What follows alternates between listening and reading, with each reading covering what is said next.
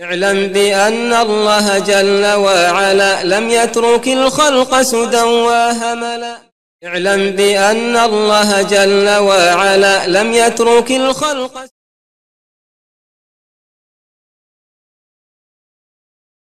بسم الله الحمد لله الصلاة والسلام على رسول الله استعين بالله لا حول ولا قوة إلا بالله.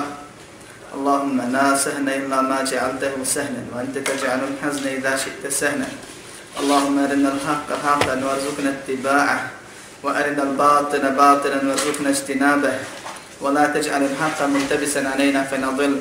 اللهم آت نفوسنا تقواها وزكها أنت خير من زكاها أنت وليها ومولاها برحمتك يا أرحم الراحمين. ربنا لا تزغ قلوبنا بعد إذ هديتنا وهب لنا من لدنك رحمة إنك أنت الوهاب. اللهم يسر ولا تعسر اللهم بارك وتمم بالخير. Amma ba'd.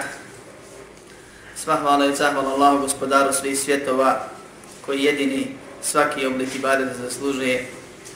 Salavat i salam na Muhammeda sallallahu aleyhi ve sallame nama najdrže stvorenje. A zatim došli smo i večeras ako Bog da imamo dva lahka poglavlja pa ćemo probati za Allahu pomoć oba obraditi ako Allah dozvoli. Prvi je nastavak ili poglavlje koje se naslanja na priču iz prošlog versa, a tema prošlog versa, glavna suština prošlog predavanja je bila da se dokaže da je prinošenje žrtve ili klanje korbana i badet i da se ono mora činiti samo Allahu subhanahu wa ta'ala. Nakon toga šef dolazi sa putem ili sredstvom koje može da vodi do širka, samo po sebi nije širk. I ukazuje da je to zabranjena stvar, a bila je prisutna i dešava se i u današnjem vaktu. Pa naslovljava ovo poglavlje riječima babun la yudbeh ili la yudbehu lillahi bi mekanin yudbehu fihi li gajdillah.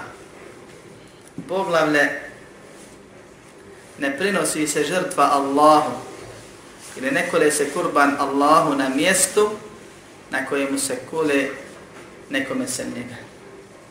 Ili nemoj prinositi žrtvu, ne smije se prinositi žrtva Allahu subhanahu wa ta'ala na mjestu na kojem, na kojem drugi prinose žrtvu nekome sam Allahu subhanahu wa ta'ala.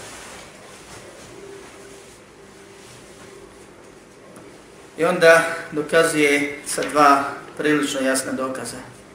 Šeh je došao sa ovom temom, a na, na, na jednom mjestu još u ovoj Mubada knjizi će doći druga tema.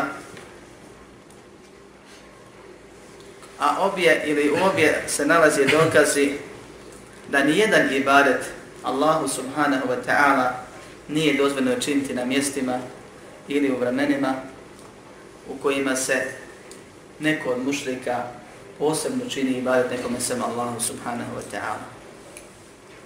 Pa je ovdje spomenuo klanje kurbana kao primjer, zato što dolazi nakon teme o kurbanu. A naveo je još jedan dokaz usput, a na drugim mjestima kad dođe, ako Bog da taj vers, spomenut će se neki drugi ibadeti i iz toga se u lama izlači propis da nije dozvoljeno ibadetite Allahu subhanahu wa ta'ala na mjestu na kome se ibadeti, ibadeti nekome sam Allahu subhanahu wa ta'ala, jer Allah to ne voli, jer je to mjesto gdje Allah spušta svoju srđbu, jer je Allah subhanahu wa ta'ala svojom poslaniku zabranio da ko nešto radi, pa je i vjernicima zabranjeno, a poslanik sallallahu alaihi wa sallam također je zabranjivao tu stvar vjernicima.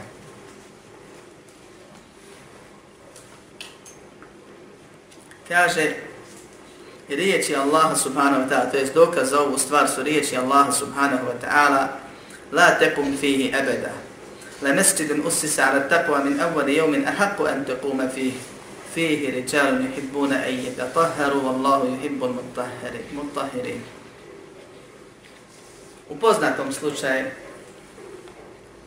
prije nego što je poslanik sallallahu alejhi ve sallam krenuo u bitku Munafici pored Kuba sagradiše mesdžid pod izgovorom da im treba i da je daleko I a cilj im je bio da to bude se kuplja lišta njih i neprijatelja Islama i da time pokušaju razdvojiti muslimane kao što Allah subhanahu wa ta'ala u prethodnom ajetu kaže a ajet sur Teube ko hoće opširnije neka traži u tefsirima i knjigama sire.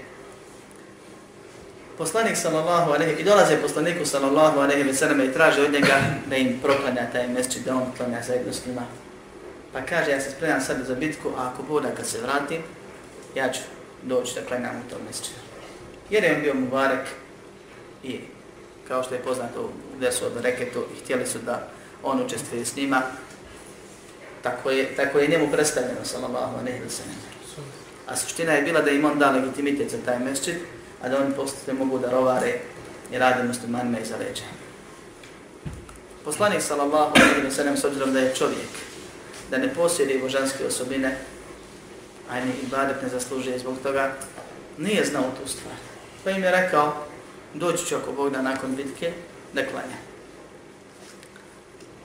Nakon toga, Allah subhanahu wa ta'ala objavljuje ove ajete.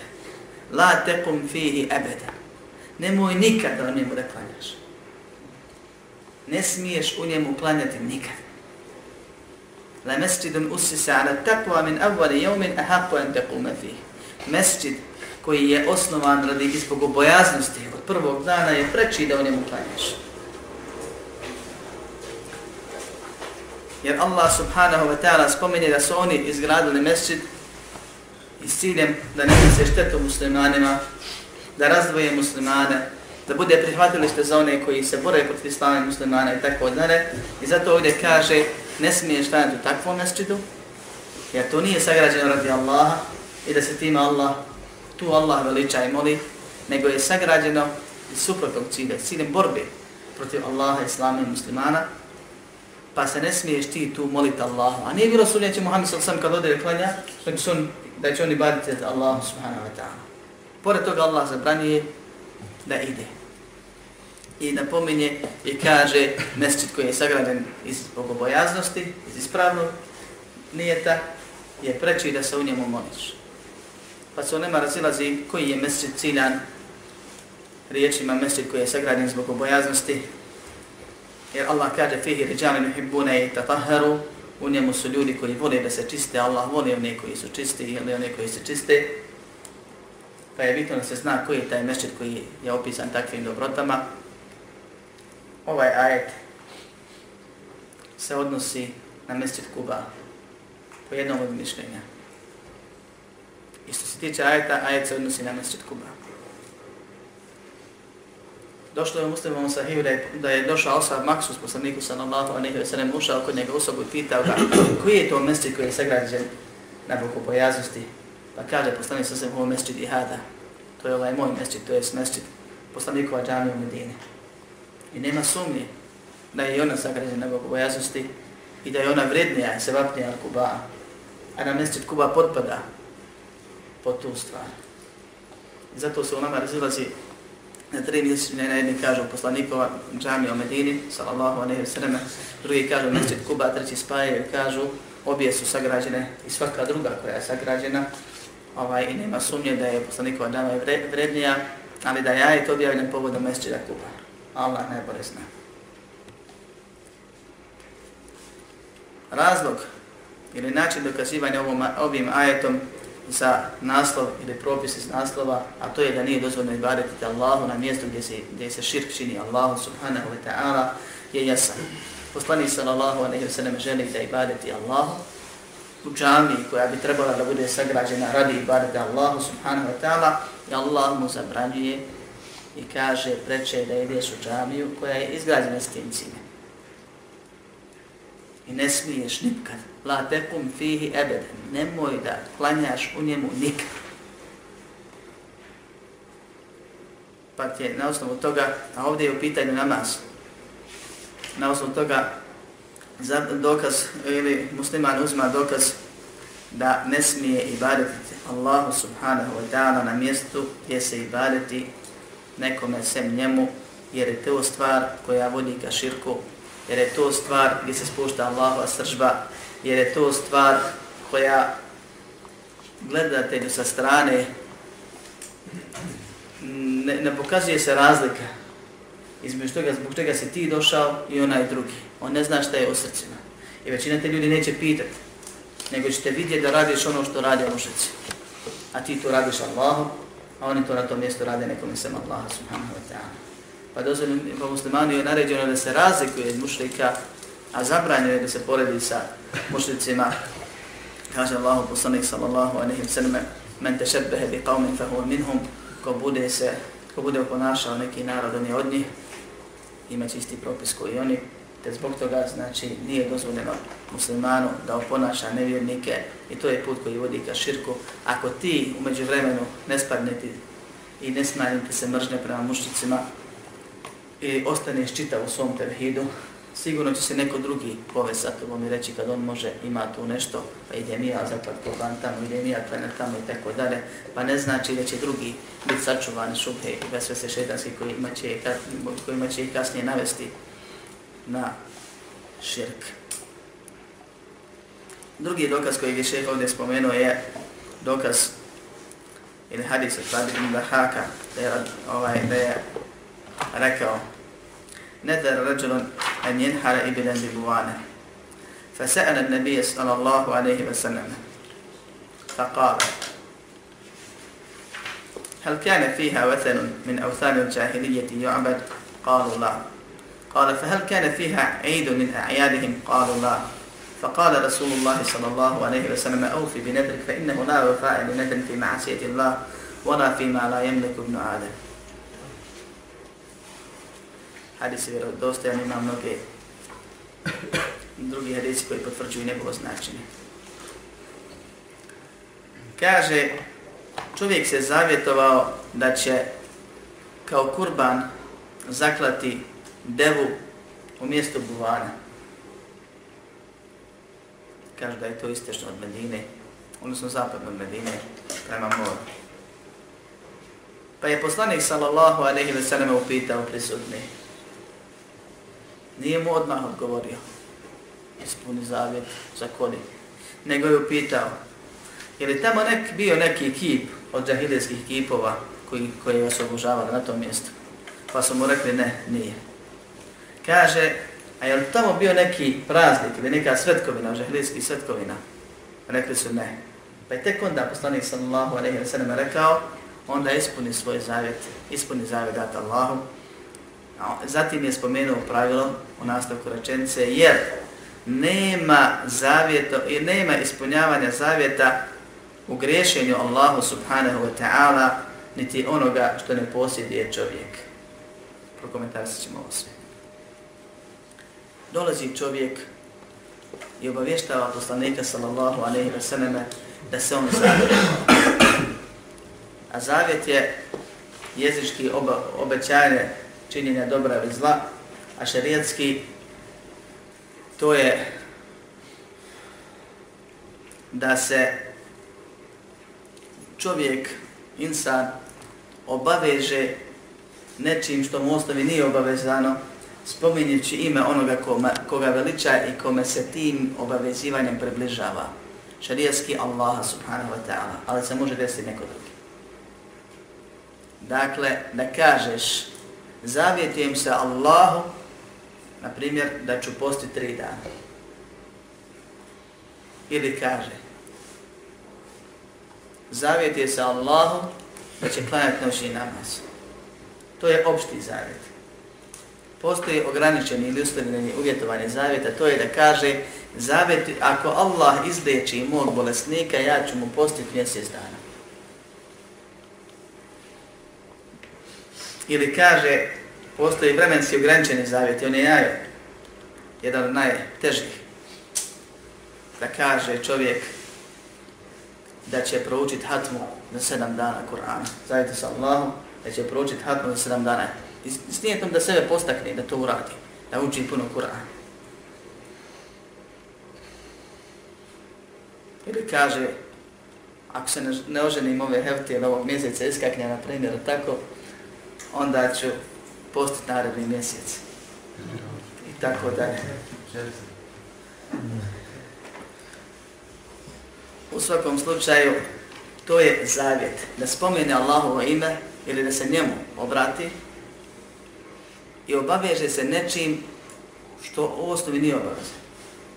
S ciljem da radi to dobro djelo se postakne ili s drugim ciljem ko što često ljudi rade s nadom da će od Allaha dobiti ono što mu treba. Kao što je na primjer lijek za bolesnika ili uspjeh na ispitima ili ne znam ja šta drugo.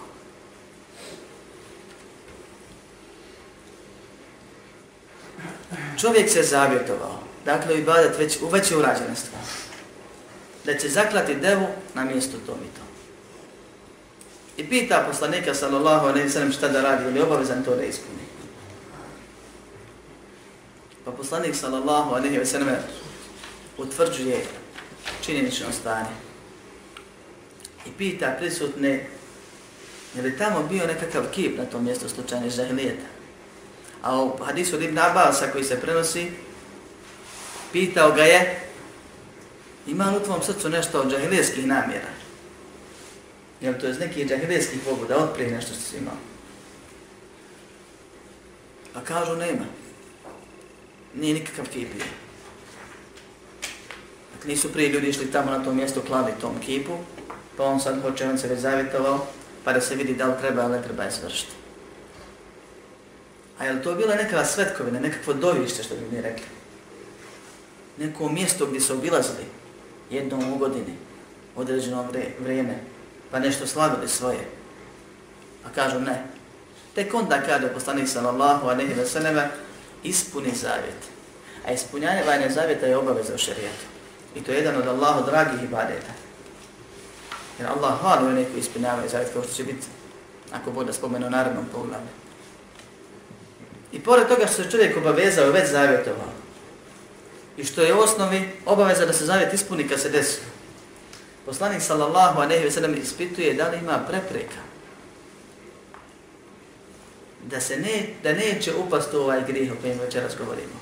Da neće otići da ibadeti Allahu subhanahu wa ta'ala na mjestu gdje se Allah ne voli da ibadeti, gdje se čini mu širk, njemu najmrše djelo.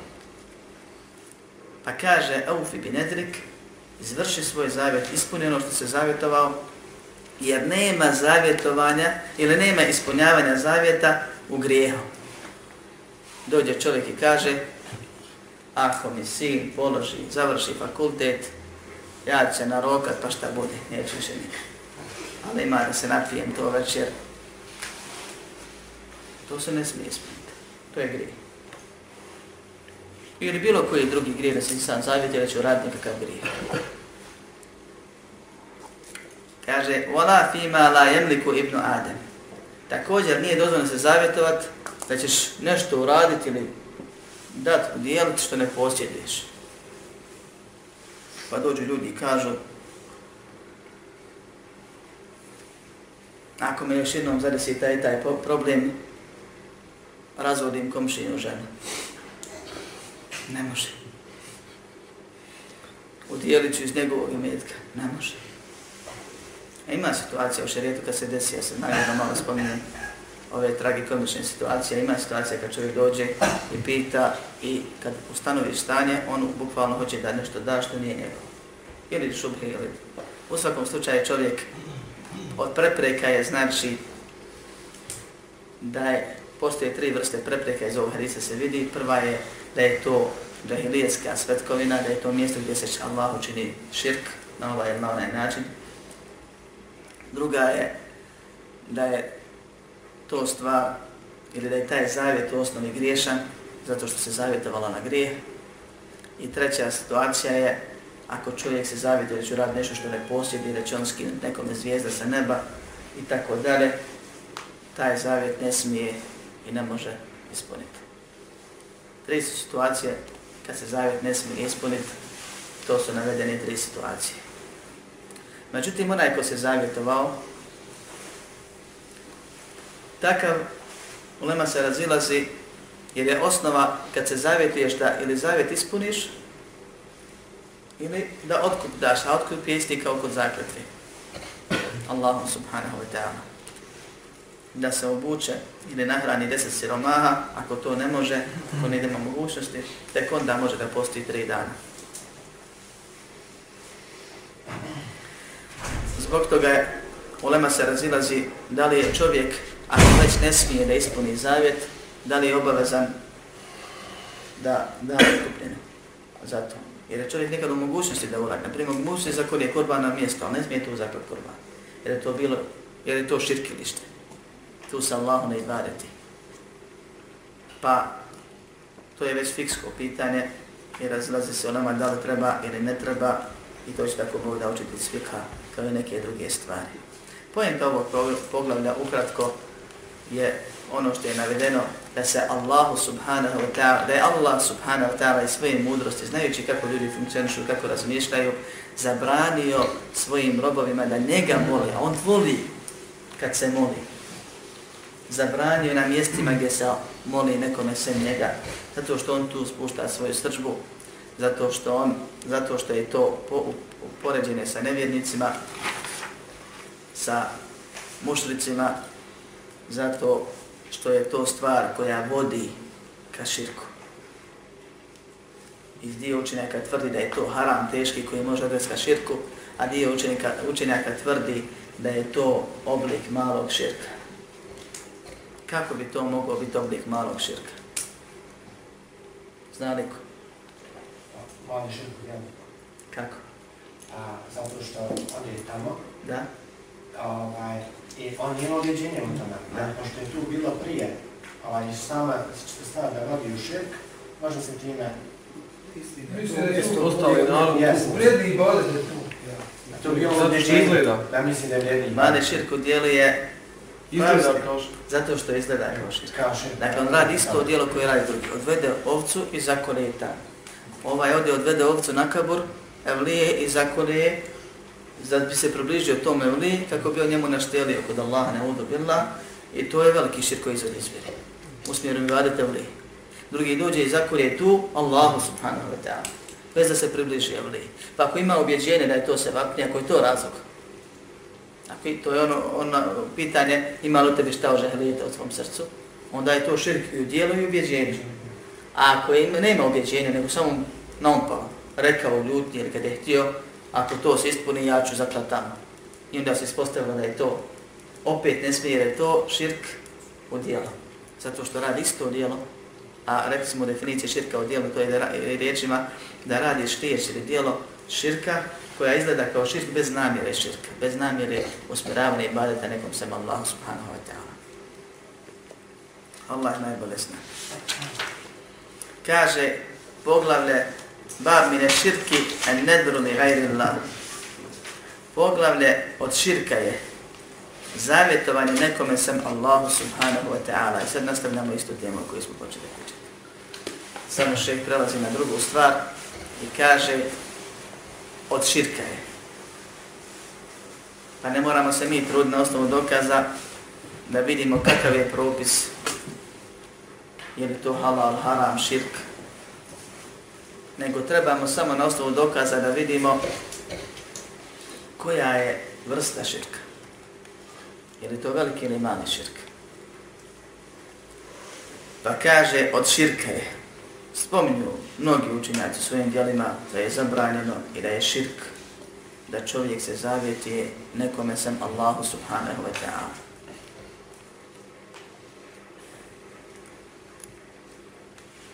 A veliki širk je činjenje ibadeta nekome sam Allah subhanahu wa ta'ala. Pa nama kad hoćemo da dokažemo da je neka stvar veliki širk, možemo da nađemo direktan dokaz gdje Allah spominje da Allah neće oprosti širk ili nešto u tome smislu nakon tog dijela, da je poslanik sa zemlje nazvao to širkom, ili da je Allah pohvalio to dijelo ako se njemu čini, ili da je Allah naredio to dijelo ako se njemu čini, ili da je Allah nagradu pripremio za to dijelo ako se njemu čini. I automatski znamo da je ta stvar ibadet, u prvom slučaju znamo da je to širk, u drugom znamo da je ta stvar ibadet i vraćamo se na pravilo koje će nam trebati u narednih nekoliko predavanja. Ma thabata annahu ibadatun fasarfuha li ghayri Allahi shirkun akbarun wa la yakunu shirkan asgharan abadan idan ibadatu khasatun billahi ta'ala. Ono za što se dokaže i potvrdi na spomenite načine koji sam rekao da je neka ne, da je ibadet usmjeravanje toga na taj način braćo I nekad ima čovjek oblik ibadeta, ne biva ibadet. Kao na primjer stajanje. usmjeravanje te stvari, pa ću pojasniti poslije primjer stajanja, nekome sem Allaha subhanahu wa ta'ala je širk i to veliki i nikad ne može biti mali širk jer je ibadet isključivo Allahu pravo. Allah kaže va qumu lillahi qanitin, pred Allahom ponisno i ustrajno stojite. I Allah naređuje se pred njim stoji. Kad? Na kijamu, u namazu. Kako? Skrušeno, ponizno, iz ljubavi, straha, nade, poniznosti i veličanja, koji svaki drugi ibadet. I onda dođe čovjek i kaže, ako ti se naredi, na primjer u sudnici ili negdje u zarobljeništvu, da ustaneš, ti ne smiješ, ustati ti izaći iz vjeri. Kako ćeš izaći iz vjeri? Kaže, stajanje i badet. Či znači, da kaže, se ne smijem ni na futbolu postrojiti, ni u vojsci postrojiti, ne smijem stat pred bilo kim, pa jest, pa nije, pa tamo, pa amo. To je bare obraćao. Osnovni razlog i rukni bareta je ljubav. Da staneš, da mu se pokoriš iz ljubavi, to je osnovni ruk. Ako njega fali džaba je ostalo. Ako njega nema. Pa šeheh Abdallah Gunayman, hafidahullah, kada je upitan za ovu stvar, kaže, kako će biti ibadet kad te neko natira da pred njim stojiš? Pa ti stojiš pred njima, tvoje srce ga proklinje, mrzdi ga, jer te natjera neku stvar. Na primjer u zarobljeništvu ili negdje drugo. Prisine. To nikako nije ibadet. I zato mora biti dijelo ibadeta na način ibadeta iz nijeta ili sa ruknovima ibadeta, a to su ljubav, strah, nada, poniznost i veličanje. To je ibadet. Pa ono što se pokaže da je ibadet i dokaže da je ibadet, ako se tako uradi nekom i svema Allaha subhanahu wa ta'ala, osoba automatski izlazi iz vjere Nas Allah sačuvaj, to veliki širk. I zato kad nađemo da je u Kur'anu ili sunnetu dokaz da je neko djelo ibadet, mi automatski znamo da se to mora samo Allahu subhanahu wa ta'ala činiti i da činjenje te stvari nekome samo Allahu subhanahu wa ta'ala izvodi iz vjere i biva velikim širkom. Sad ja vas pitam, kad je činjenje kurbana, prinošenje žrtve nekome sem Allahu subhanahu wa ta'ala mali širk? U kojim situacijama? Kada ode se na mjesto za koje on uputi... Kad je prinešenje žrtve nekome sem Allahu mali širk? Koje situacije? Kad se prinosi Allahu na mjesto sa kojima nije Nije to ovo što sam ja pitao. Mali širk. Kada je klanje kurbana nekom sem Allahu mali širk? Ako se klanje kada Allah nije odri? Nikad. Nekom sem Allahu subhanahu wa ta'ala. Ne može biti mali širk. Nažalost, ovo je nas profesor pitao svaki drugi čas, pa uvijek se neko na, nalazi da pokuša pojasniti, ali eto, oni vas, smo da da, da razumijevanje. Kaže, od širka je to je s velikoga zavjetovanje nekome sem Allahu subhanahu wa ta'ala, dokaz zato su riječi Allahu subhanahu wa ta'ala, yufuna bin nadri wa yakhafuna yawman kana sharruhu mustatira.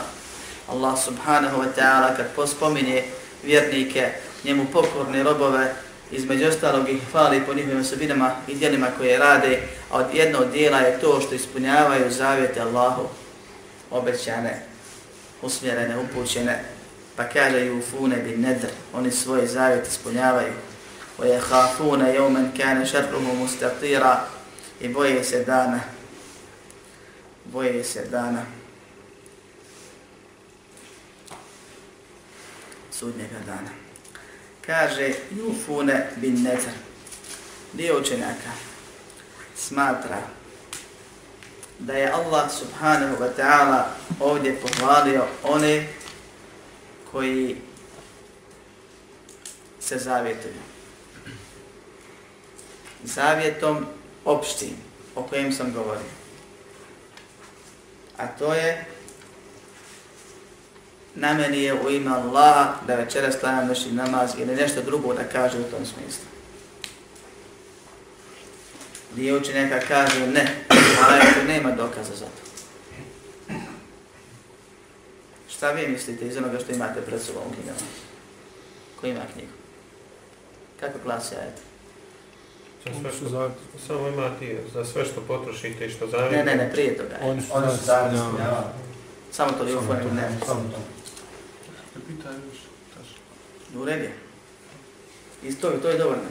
Ima dobro pojašnjava. Koga Allah tu hvali? Oni koji izrašavaju sve zavjete. Ili oni koji se zavjetuju? Zaljivanje kući, to je to ibadet koji im je drag. Koji se zavjetuju. Oni? Oni koji se zavjetuju? Koji se ispunili zavjet? Koji ispunjavaju zavjet. Zbog čega ovo pitanje? Zato što se ulema razilazi oko same propisanosti zavjeta u koju vrstu spada. Propis samog savjetovanja početno.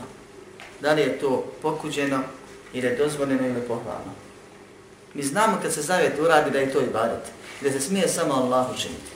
Znamo iz ovog dokaza i drugih kada Allah kaže u suri Hađu od Jufu Durehum, neka ispune svoje zavjete, naređuje da je obavezno ispuniti zavjet. I da je ispunjavanje zavjeta ibadet. Međutim, kakav je propis uopšte, uopšte činjenja zavjeta? Allahu subhanahu wa ta'ala, nekome sam Allahu je, se opet ne razilazite, veliki širk uvijek. Otkud ovo razilaženje? Ponavljam, zavjetovanje po definiciji je da rob sebe obaveže u ime Allaha s ciljem približavanja njemu nečim što osnovi nije obavezan. Da rob kaže na meni je da svakog petka udjelim po 50 maraka. Ne. I on je obavezan da svakog petka udjeli. U roku kojeg se postaje u četiri sedmice, šest sedmice, ali više. Neki su govorili na meni da nahađu den pješki. I tako dalje. Veliki dio islamskih učenjaka smatra da je pokuđeno zavjetovanje. I to je Allah najbolje zna bliži istini. Na osnovu hadisa poslanika sallallahu alaihi sallam innehu la je'ti bi khair. On ne donosi nikakvo dobro. Innema yustahrađu bihi min al. Nime se samo čupa, što bi mi rekli, iz džepa škrtog insana. Ne može drugačije da odjeli, nego mora se zavjetom natjerati. Ne može drugačije da posti, nego se mora zavjetom natjerati da posti. Ili da klanja. I tako dalje. Došlo je u drugom hadisu da zavjet ne mijenja ništa od sudbine. Složni su da nije dozvoljeno ili ispravno mišljenje da nije dozvoljeno se zavjetovati ako je to cilj da postigneš ono što želiš. To je slučaj, ako me Allah izliječi dijete, ja ću zaklat kurban, ja ću uraditi to i to, ja ću postigniti se znanje i tako dalje. Što? Zato što je došlo u hadisu vjerovodosnog fe inna Allahe la mustekri. Allah se ne može nešto prisiliti ili drugim riječima ne možeš od Allaha iznuditi da on uradi nešto suprotno svoje volje. Da uradi nešto što prezire, što ne voli. Da dođeš i kažeš Allah odredio da bude bolesno ili da preseli.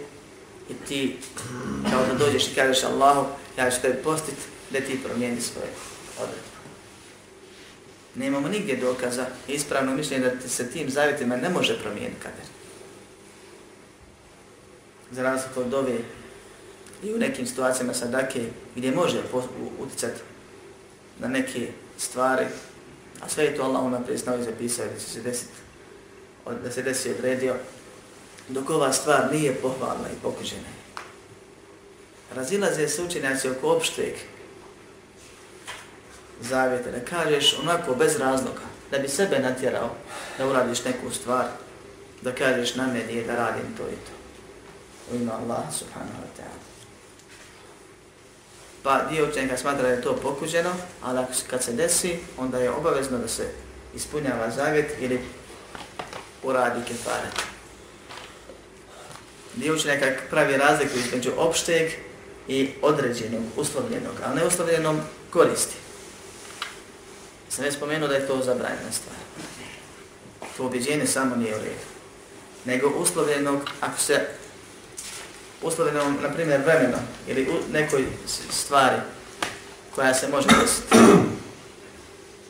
Da kaže čovjek, na meni je za sedam dana da uradim to i to. Na je, ako se to i to desi, da uradim to i to. Onako, bez snijeta da, da iznudi tu stvar. Pa kaže da se ovi hadici odnose na tu stvar.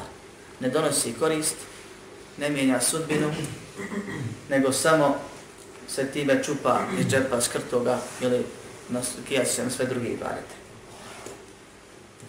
Dok kažu pohvalno je ili dozvoljeno najmanju ruku da čovjek sebe tjera na ibadet tako što će, ako bi im nije nikakvog razloga, ako mu je samo cilj da se postakne, sebe obavezati nečim. Međutim, Allah najbolje zna šta je ispravno.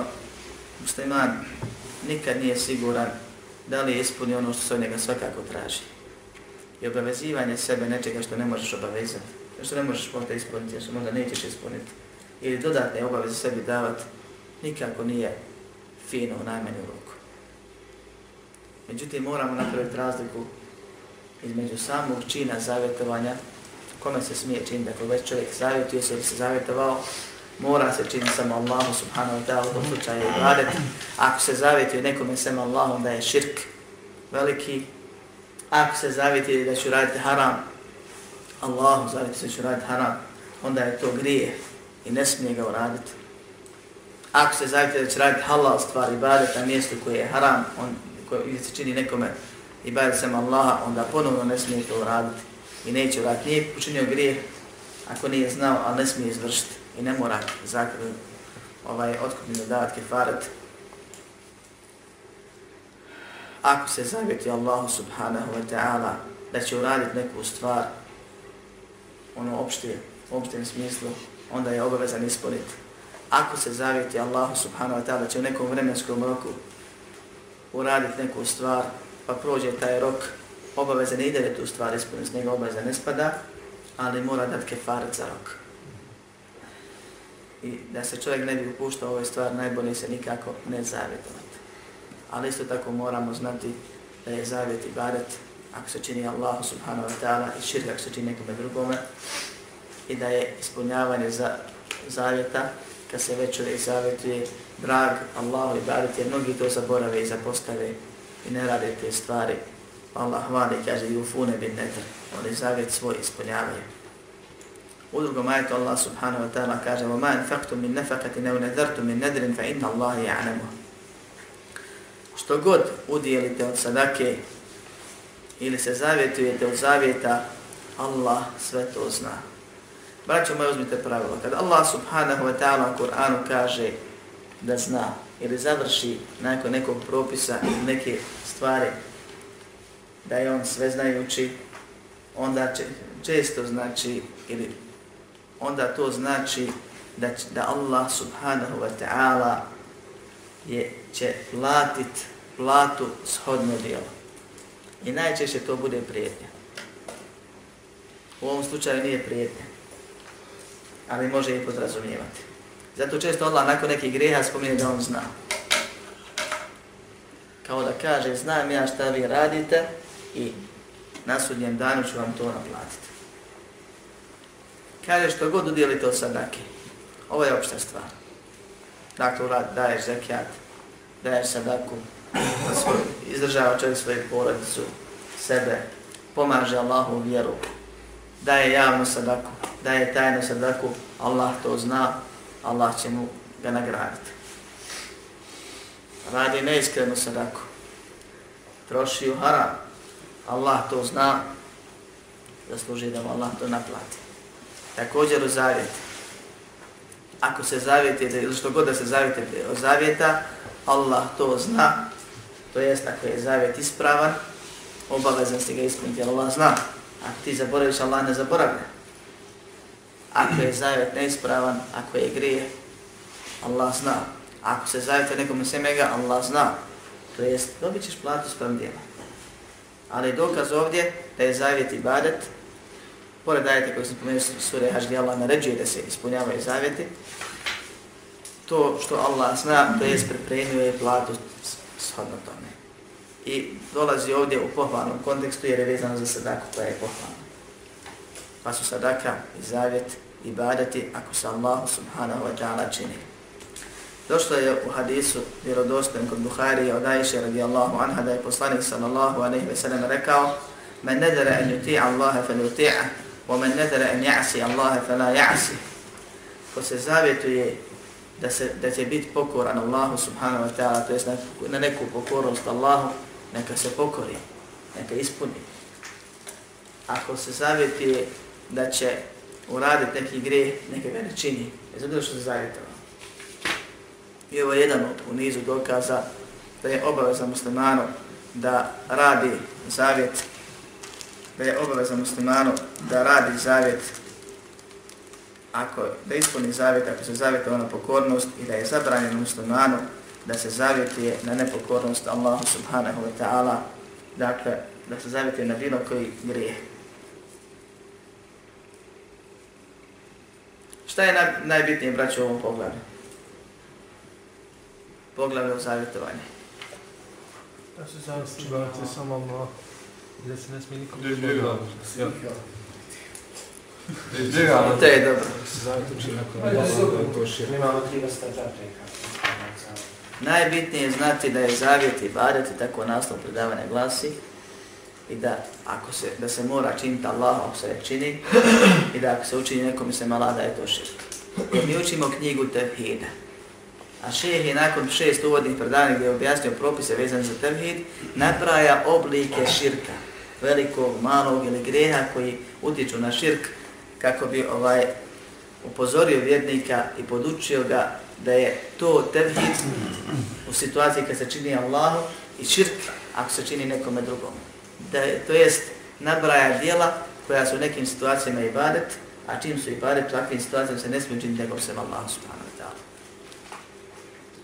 I nakon ovog pogleda dolazi niz drugih dijela kojima se govori o traženju zaštite, traženju pomoći i tako dalje sa istim ovim, ovom namjerom svi se vraćaju na pravilo da ako se dokaže da je neka stvar ibadet, činjenje te stvari nekome sem Allah subhanahu wa ta'ala biva širk i to veliki. Molim Allaha subhanahu wa ta'ala da nas uputi na pravi put, da nas poduči onome što ne znamo, da nas ukoristi na onoga što saznamo i naučimo, da nas učvrsti na vjeri, da nam poveća vjerovanje, da pomogne islam i musliman na svakom mjestu, da oprosti muslimanima i muslimankama, živim i mrtvim. Amin. Walhamdulillahi rabbil alamin. اعلم بأن الله جل وعلا لم يترك الخلق سدى وهملا اعلم بأن الله جل وعلا لم يترك الخلق